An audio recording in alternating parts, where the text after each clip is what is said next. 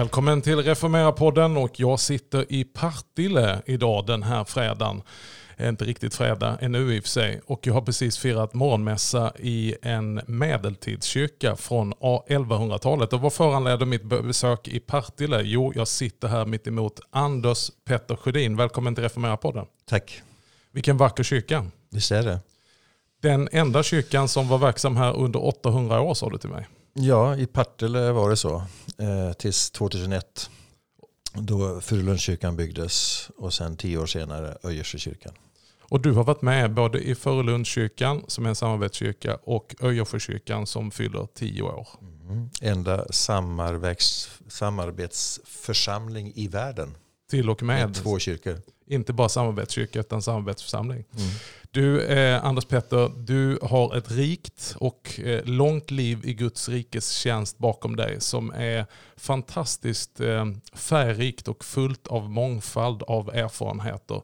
Du är en sån person också. Jag, varje predikan jag hört på dig så tänkte jag, tänk om jag hade haft hälften av de berättelserna att berätta.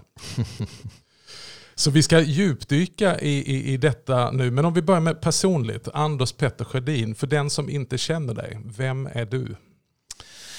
Jag föddes på en eh, farm utanför Härnösand med hästar och får och allting sånt. Min pappa var husdjursexpert och som sån reste han över hela världen. Oj. Jobbade för FN och jag följde med honom.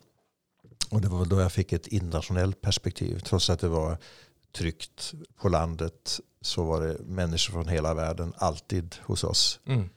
Eh, så ja, från jag var två, tre år följde jag med honom. Och det gav väl också mig ett intresse för, för världen. Så när jag började resa själv när jag var 14-15 år. Först i Europa och sen längre bort. Ni hade mycket spännande människor hemma hos er. Jag vet att du hade en spännande brevväxling med en mycket känd person. Ja, just det. Det var Ville Moberg. Han, han hade varit hemma hos oss eh, när jag var 14 år. Eh, och då, han sov faktiskt i min säng. Mm. Och min mamma blev upprörd för att han han hade en potta under sängen och eh, på natten så slängde han ut den på hennes äppelträd. Eh, och när jag var 16 så eh, skulle vi i skolan då göra något specialarbete om någon svensk författare. Och tänkte jag, men då tar jag väl honom då eftersom jag har träffat honom. Och det var Din stund på jorden som var den första boken jag läste. Och den drabbade mig. Mm. Och sen brevväxlade vi under ett år. Eh, och möjligen, troligen, det sista brev han skrev till någon, det har jag hemma. Eh, där han skriver att han har skrivit över 50 böcker, han tycker han har gjort sitt. Och den sista boken var Otrons artiklar. Och vi snackade mycket, eller skrev om det, om tro, om allt möjligt. Och sen några veckor senare så hittade de honom i, utanför Stockholm då, i vattnet. Han tog sitt liv, mm. men det skrev man inte i tidningarna på den tiden. Nej. Och... Eh, det jag tänkte då det var vad var det Vilhelm Moberg sökte i alla sina böcker men aldrig fann. Mm. Och han porträtterade ju troende människor som Kristina väldigt vackert fast han själv inte trodde. Mm. Och då började jag ännu mer intensivt resa då, ute i världen. Eh, liftade genom Europa, i Asien till Nepal och andra ställen. Vad sökte du? Eh, mina egna gränser och mm. eh, sökande till geografin var ju också ett sökande i det inre. Mm. Um, jag bestämde mig då när jag var 17 att jag skulle upp på världens högsta punkt, världens lägsta punkt, världens högsta byggnad och världens längsta flod. Um, och jag gjorde alla de där sakerna det, det året. um, och då var jag ju i miljöer. Jag var i Iran, Pakistan och Indien. De kulturer som fanns där. Bodde med lamamunkar uppe i Nepal och så vidare. Inte för att jag ville bli något av det utan jag ville veta hur folk tänkte. Mm.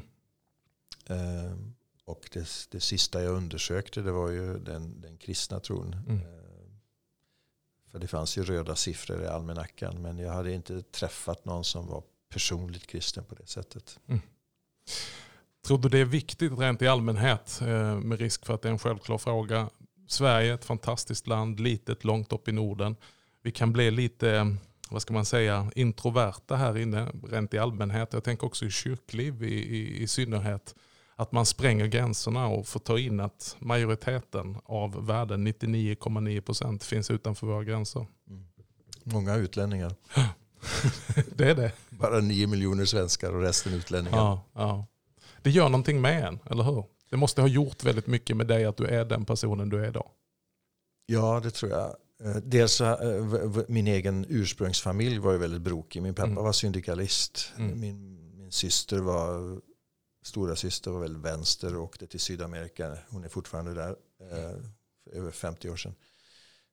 Vi hade diskussioner vid, köks, vid söndagsmiddagarna om liv och död och mening och sprang och hämtade Svensk Uppsalabok. Då fanns inte Google vem som hade rätt i någon fråga. Men vi var samma familj ändå. Alltså att inte känna sig hotad av att människor tänker annorlunda. Och med den bakgrunden så blev du präst och då kan man ju fråga sig hur gick det till? Vi ska återkomma till det.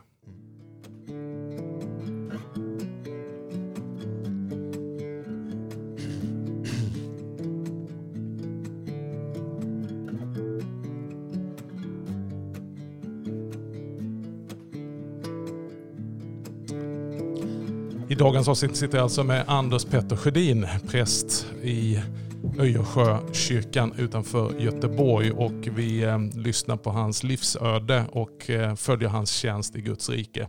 Du, innan vi går vidare på eh, det vi var inne på, vi har ju en gemensamt intresse, det är hästar. Jag är också uppväxt på en hästgård. Min pappa var hästuppfödare och avlade fram hopphästar och dressyrhästar jag förstår att hästar är ett stort intresse för dig. Ridning, det tackar du inte nej till. Nej, det gör jag på somrarna. Men, men när jag går omkring här, det finns mycket hästar här, så bara mm. går jag och sätter en mule mot min kind så här. Mm. Så doftar det gott tycker jag mm. av hästar. Eh, det är fina minnen från Visst gjorde du en militärutbildning också? Ja just det, jag var på K1 i Stockholm och eh, red för kortege för alla möjliga människor, presidenter och kungar från hela världen. Det var kul. Du Anders Petter, vi har hört en liten inledning om, om ditt liv. Men du hamnade i Uppsala. och eh, Hur kom prästkallet till dig? Väldigt långsamt skulle jag säga. För att jag kom till Uppsala inte för att bli präst utan för att bli lärare. Mm. Eh, det är väl min basgåva kan man säga. Försöka undervisa människor även det jag inte vet någonting om. Mm. Så att jag gick ju på ämneslärarlinjen då. Men då läste man ju i alla fall de första 60 poängen på det gamla systemet med, tillsammans med de som skulle bli präster på teologen i Uppsala. Och jag kom ju från ett helt annat håll. Det var på den tiden, vi hade lärare som var prästvigda som inte trodde på Guds existens. Mm. Eh, och jag utmanade dem från ett helt annat håll än mm. de som kom från trygga kristna miljöer. Ehm, så att eh, Ja, det som hände var att jag i Uppsala klev in, eller kom hem, jag hade varit i Israel där jag jobbat flera gånger, eh, förbi en telefonkiosk i Uppsala och så öppnades dörren och så var det en som sa hur fungerar den här? Jag ska ringa till Samariterhemmet. Och hon har varit min fru i 44 år. Just det, Pamela och hon kommer från Kalifornien. Just, precis. Hon var ju sökare också. Ursäkta. Och hon var, hade hamnat i Uppsala på grund av studier? Hon skulle läsa ett års mm. Eh, psykologi i Uppsala. Eh, hon har, vi hade väldigt olika uppväxter då. Hon, eh, från ett skilsmässohem. Hennes mamma hade tagit livet av sig när hon var 15 år. Mm. Och råkat ut för ganska mycket. Mm. Och ja, hon kom hit, vi, jag tog henne runt i Europa och så gav jag henne en adress i Israel. Och så skulle jag göra klart min lärarutbildning. Och när vi, hon åkte ner till Grekland så eh, sa hon det här är din sista chans Gud att visa att du finns. Och gör du inte det så försvinner jag bara. Mm. Hon var väldigt uppgiven och trodde att jag ville bli av med henne också. Vilket ju inte var sant. Mm klev upp på en klippa i Pireus och tänkte att om jag slänger mig ut härifrån så bara försvinner jag. Mm. Men hon var tyngd och gick ner och satte sig på stranden. Och, eh, så somnade hon och när hon vaknade så välde det ungdomar över bergskanten ner till den här stranden. Mm. Till den här ensamma tjejen. Det var Youth with a Mission, ungdom i uppgift, som åkte runt i Medelhavet och frälste allt som rörde på sig. och i alla fall på kvällen så frågade han, vill du vara med på en andakt? Ja, det kan jag väl vara. Och då gick de upp precis på den klippan hon hade stått. Mm. Vi har hört en predikan om att bygga på klippan, men mm. hon stod där på klippan. Och de sjöng lovsång. Hon, sa, det var, hon hade aldrig varit med om så vackert någon gång. När det gnistrade i Egeiska havet och de här sångerna. Och så hör hon en röst som säger du ska spendera tre dagar med Linda. Hon frågar vem är Linda? Ja det är hon. Hon ska över till Sypen på vår bibelskola om tre dagar. Mm. Hon sa jag ska med. Varför det? Gud har sagt det. Du visste inte att Gud fanns för en minut sedan. Nej, men han har sagt det. Och så Starkt. åkte hon dit. Och jag väntar ju på ett livstecken från Israel. Då. Efter tre veckor så kom ett uh, vykort från Sypen som inte förklarade någonting. Det stod bara, vet du vad andedopet är?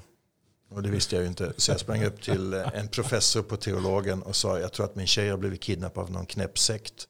Ja, det trodde han också. Mm. Och så åkte jag hem till Torbjörn Fälldin som var statsminister och sa, de har kidnappat min tjej. Du åkte hem till Torbjörn Fälldin? Ja, min pappa kände honom så jag hade varit där förut. Men, och så sa jag, de har kidnappat min tjej och jag ska frita henne. Och kommer jag inte hem så har de tagit mig också. Jaha, sa han och sög på sin pipa. Och så ringde jag till svenska FN-bataljonen på Cypern och sa de har kidnappat min tjej och jag ska frita henne. Jag kan behöva lite uppbackning. och så flög jag ner dagen efteråt och hade det jag kommer ihåg var två saker. Min konfirmationsbibel och en morakniv. Mm. Jag skulle slåss för min lady. Tog en turkey tvärs över ön. Och kom till det Och det var första gången jag träffade människor som gick omkring och sjöng lovsånger och spelade gitarr. Och jag tänkte, vad gör man med sådana? Mm. Alltså gangsters har jag träffat i Pakistan och sådär. Mm. Men de var ju inte farliga direkt. Um, och jag hade mycket intellektuella tvivel om skapelse kontra evolution och sånt. Och jag hade aldrig träffat någon kristen som kunde svara på de frågorna. Och det var en amerikansk kille som hette Scott vi satt en hel kväll där och han gav rimliga svar på mm. mina frågor. Mm. Och sen tittade jag i kartboken att Paulus hade varit på Sypen i Paphos. Så åkte jag dit och gick, sparkade i sanden och sa om du finns Gud så tycker jag inte om dig. Mm. Du har tagit min tjej ifrån mig. Åkte hem till Uppsala, isolerade mig ute i Flogsta. och läste antikristna böcker, typiska evangelisationsböcker, Johnny och Korset och Stiletten. Mm. Och, sådär. och Bibeln hade jag ju läst på universitetet. Mm. Eh, och visste allting som inte Paulus hade sagt utan var tillägg 30 år senare. Eh, och så en kväll för mig själv så gick jag ner på knä i studentrummet och så säger Gud jag vet ju inte säkert om det finns men mm. allting tyder på att du gör det. Och då vet du hur jag fungerar. Jag mm. skulle önska att du visade för mig på ett sätt som jag kan förstå. Och det var inget dramatiskt som hände men en djup, djup frid sänkte sig över mig. Och jag bara visste att det som stod i den boken som låg framför mig, Bibeln alltså, mm. var sant. Och att mitt liv inte skulle vara så likt efter. Och det blev det inte heller. Fantastiskt. Vi återkommer.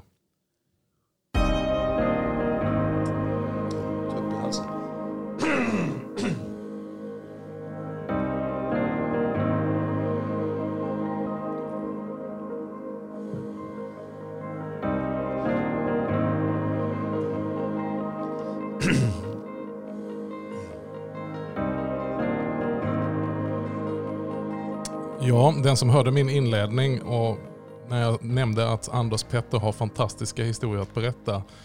Eh, du förstår att jag överdrev inte. Eh, Anders Petter, du eh, kom så småningom in i prästtjänst. Och den har också varit rik och brokig på ett positivt sätt. Du har gjort många olika saker och rört dig i många olika traditioner och delar av kyrkan. Sett den mycket utifrån den världsvida kyrkan. Förutom utbildning i Uppsala så har du också utbildat dig vid Fuller mm. Theological Seminar nere i Kalifornien. Du har arbetat och utbildat eh, kristna och missionärer och, och pastorer i Tanzania. Mm. Du har varit inspiratör i OAS-rörelsen Mm. och du har varit med och, och byggt upp eh, de här kyrkorna här, Furulund och Öjersjö. Mm. Eh, du har också skrivit böcker. En bok som verkligen i lite omgångar har tagit mig, Sök Guds ansikte. Och jag har nog tappat räkningen på hur många predikanter, präster, pastorer jag har mött. Eh, när jag har förklarat vad jag har brunnit för och ibland inte kunnat sätta ord på det så har de sagt läs Anders Petters manifest, Sök Guds ansikte. Det är den visionen som har drabbat mig. Flera stycken, olika åldrar, olika sammanhang. Och där, jag skulle inte vilja lägga de orden i din mun, men det är nästan så att du lägger ditt testamente, lite din inriktning, ditt manifest, det som präglar dig som en gudstjänare. Och vad det rör mig i, varför det rör mig så djupt, det är för att det, det träffar någonting som jag brinner för. Paulus säger i Efesierbrevet, tillsammans med alla de heliga ska vi förstå höjden och djupet och bredden och längden. Och det finns där i den boken. Utan övertoner, utan överdrifter så känns det så naturligt för dig. Du beskriver dig själv också som en svenskkyrklig präst men som har tagit intryck både från det kontemplativa och det karismatiska utan att se någon stor krock med det utan helt naturligt. Hur har det blivit så? Mm.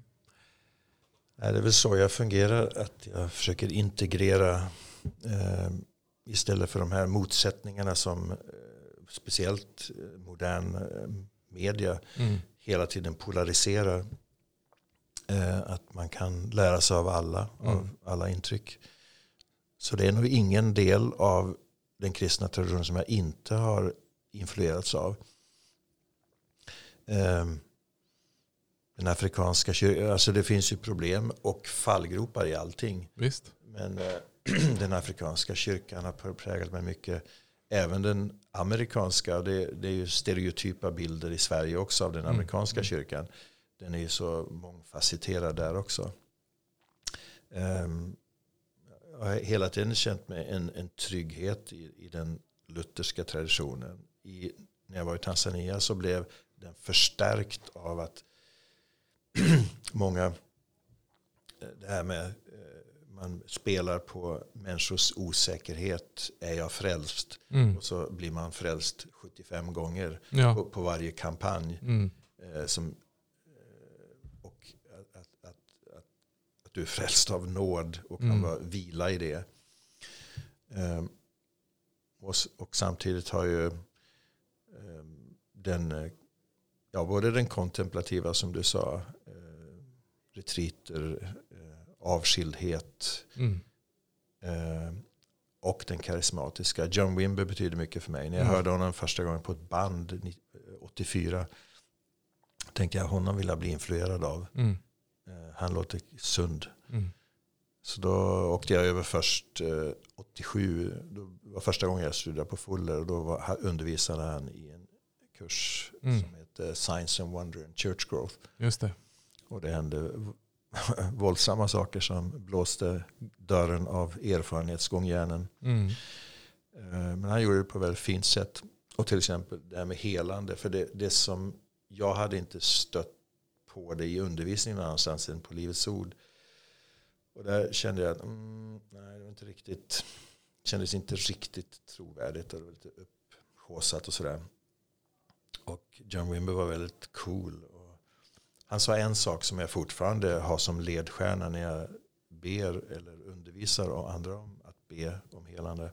Han sa så här, min, mitt mål när jag ber för någon det är att de ska vara mer, känna sig mer älskade av Gud efter jag har bett Mm. än innan. Mm. Och då har jag uppnått det högsta och största av alla bud, Mm. nämligen kärleksbudet. Blir de dessutom helade, Mm. då är det fantastiskt. Mm. Och det utesluter ju allt det där som avigsidor på 80-talet. Att det, du har för svag tro, du som är sjuk, Mm. eller jag som Mm. ber. Eller obekänd synd, Mm. du eller jag som Mm. ber. Utan eh, själva akten i sig är en kärlekshandling. Som är helande på något plan. Mm. Ehm, Så ja, nej men jag har tagit intryck av, av allt. Och jag skrev ju en bok för några år sedan som heter Förvandlad i Guds närhet. Och det är ju mer, om man skulle säga det inåtvända. Hur tar jag hand om mig själv, min Mm. själ? hur odlar jag det här inre livet? Mm. Samtidigt som jag är rätt mycket evangelist och vill nå ut. Mm. Men har en, en sund eh, puls mellan det utgivande Mm. och det intagande. Det slår ju mig, båda de här böckerna, att, att eh, precis som du citerar, att du, du på ena sidan citerar ökenfäder och kyrkofäder och på nästa sida citerar eh, centralgestalter i, i den karismatiska väckelsen och rörelsen. Och jag älskar den här eh, eh hur du liksom får det att eh, smälta samman till en större helhet. Men idag så, precis som du säger, så hela världen och media och det politiska samtalet, det är så polariserat. Och även i kyrkan. Att vi är så snabba på att stoppa varandra i fack och sätta etiketter och dela upp oss. Men när jag går till den ena kyrkan så kan jag ju hitta, här finns fantastiska rikedomar. Men tänk om de hade lite mer av det som jag hittar i en annan kyrka som då saknar det som den förra kyrkan hade. Alltså min enkla tes är att vi är bättre tillsammans. Mm. Det du representerar i din tjänst, det jag har sett i de församlingar där du står i, där har ni lyckats få detta att smälta samman till någonting som känns väldigt naturligt. Hur kan vi som kyrka se den förnyelsen idag? Vad är, vad är din... Ja, jag har, har ingen enkel sådär punkt ett, punkt två, punkt tre.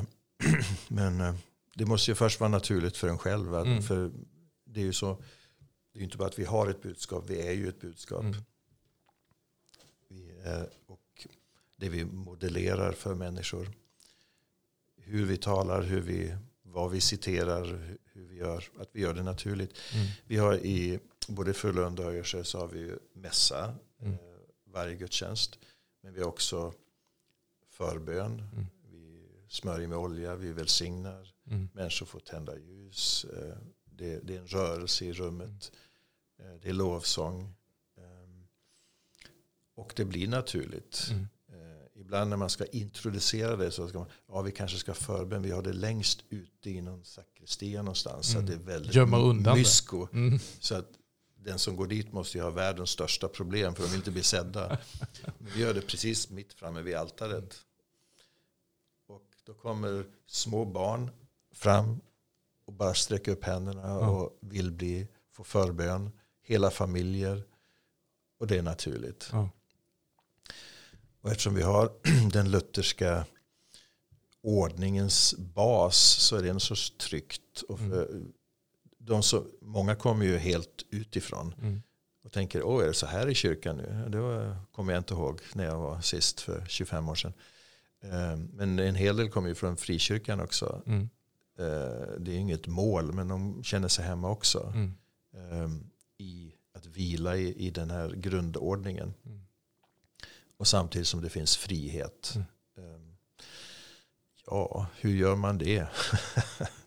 Men jag har tänkt på någonting som jag har hört dig tala om vid flera tillfällen. Det är det här med nytt vin i nya vinsäckar eller förnyade. Alltså skillnaden på, som du brukar säga, nytt nytt eller förnyat. Nuevo eller Kenevo. Eh, kan du utlägga det lite grann? För jag tycker att vi står där lite grann idag i svensk kristenhet. Att många vill ha det nya, det nya vinet. Och då tänker man att ja, det är bara att ta det nya vinet och dra och skapa en ny vinsäck. För det står ju i skriften att nya, nytt vin kan man inte hälla i gamla vinsäckar. Mm. Men eh, om man läser vad det står, och det har du utlagt på ett fantastiskt sätt, kan du, kan du tala lite om det? Va, va, för vad vi talar om det är att Guds verk, det är nytt. Gud gör någonting nytt. Mm. Men när han gör det så kasserar han inte den gamla vinsäcken utan han förnyar den.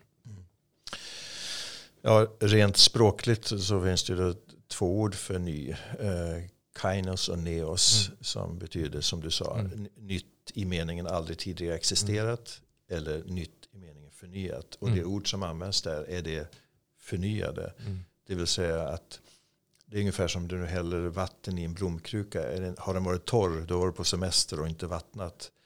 Och du häller på, då rinner allting utanför. Mm. Utan du får göra lite försiktigt sådär det. först så att det blir Mjuka upp den. mjuka upp det och då kan du hälla i vattnet. Och det är ju en gammal bild när man hade vinsäckar. Mm. Och då kunde man, eh, på vissa håll i Grekland har de det fortfarande, med olivolja och vatten, alltså mjukar upp säcken. Mm. Därför att om den är torr, då sprängs den ju Mm. när vinet jäser. Mm. Men om du mjukar upp den så blir den mottaglig och kan expandera. Och det får man ju läsa av vilket sammanhang man är i. Mm.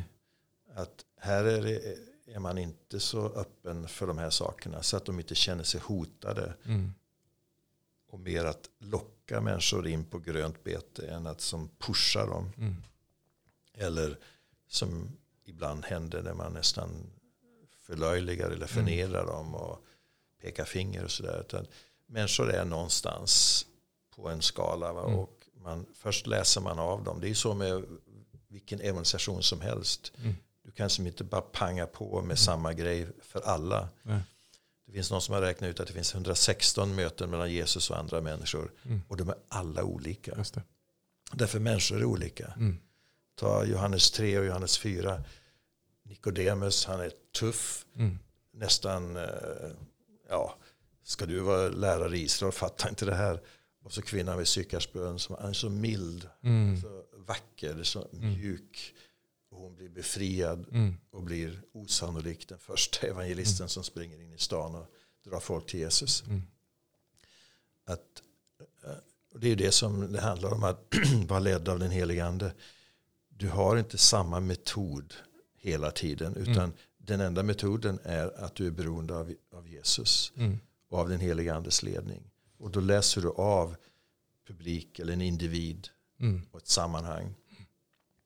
För målet är att få människor något närmare Jesus och hans, hans liv. Är det så också att präster, pastorer och församlingsledare då, eh, har för lite verktyg i sin verktygslåda? Det finns någon som har sagt att om det enda verktyget du har är en hammare så tenderar du att behandla varje problem som en spik. Eh, och, och, och Det ligger ju lite i den här mångfalden. Att, att man, man har liksom rört sig i olika sammanhang och kunnat se Jesus gå fram, inte bara i skriften utan, utan i kyrkliga sammanhang på olika sätt och vis. Både i stillhet och den jublande glädjen. Både i den starka stormvinden och i den stilla susningen. Mm. Är det där vi har ett problem idag? Ja, det som eh, speciellt unga människor är ute efter, de söker ju äkthet.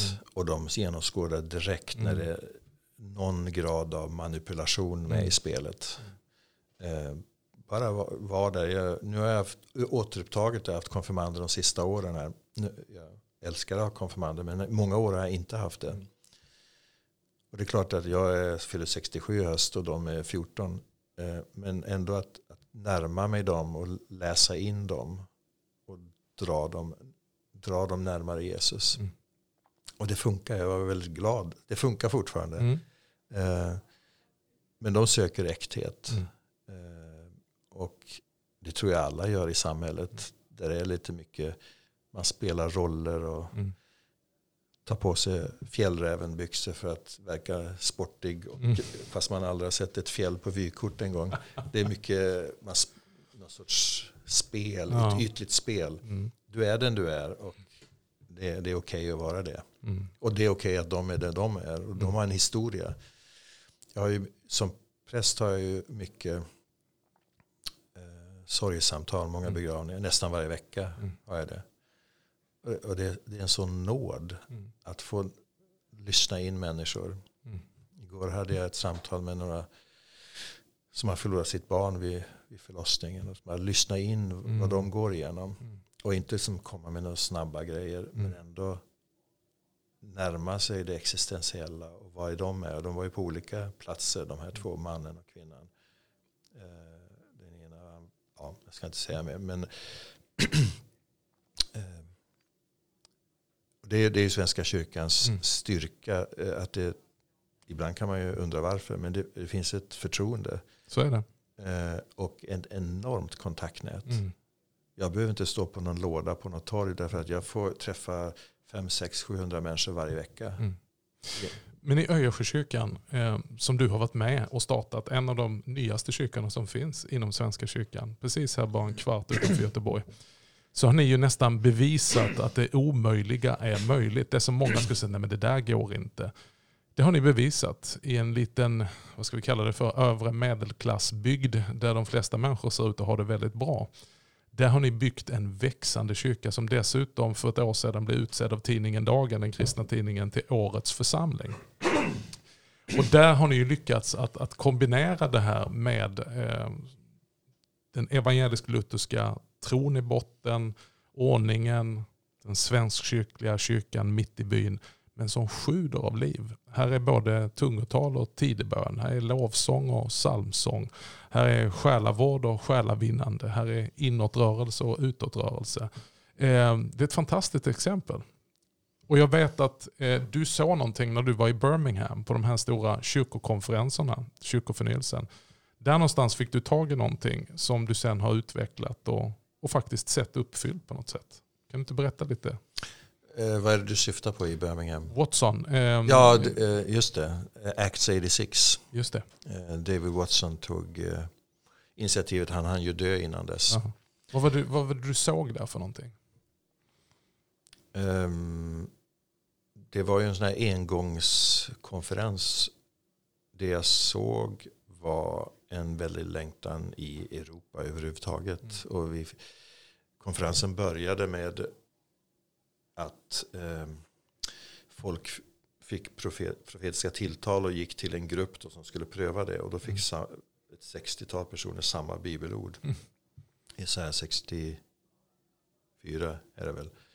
Om, eh, som blev som ett ord till mm. den, den eh, kyrkan i Europa. Mm. Eh, att den skulle få nytt liv. Och det tror jag ju fortfarande. Mm. Ehm, att det är så. När, när vi invigde Öjerskykyrkan då kom min biskop från Tanzania enkom. Inte för att träffa andra biskopar. Så han kom enkom för den här invigningen. 800 mil med sin fru. Och då skrev han i vår eh, bok hemma skrev han att detta är ett profetiskt tecken mm. för den fruktlösa kyrk, lutherska kyrkan i Europa. Mm. Han, han, kan den ganska väl. Mm.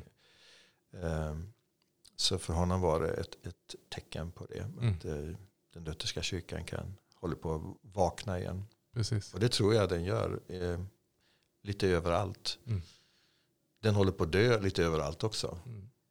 Därför det är, det är ingen ja, det är ingenting att satsa på om man vill klättra mm. längre. Utan det, det, är, det är människor med, med hjärta som går in i det. Mm. Du, till slut här Anders Petter, det finns så mycket att ösa ur. Eh, vi skulle behöva ha ett långt avsnitt. Det finns många, inte minst unga präster, som sitter och lyssnar på det här avsnittet just nu.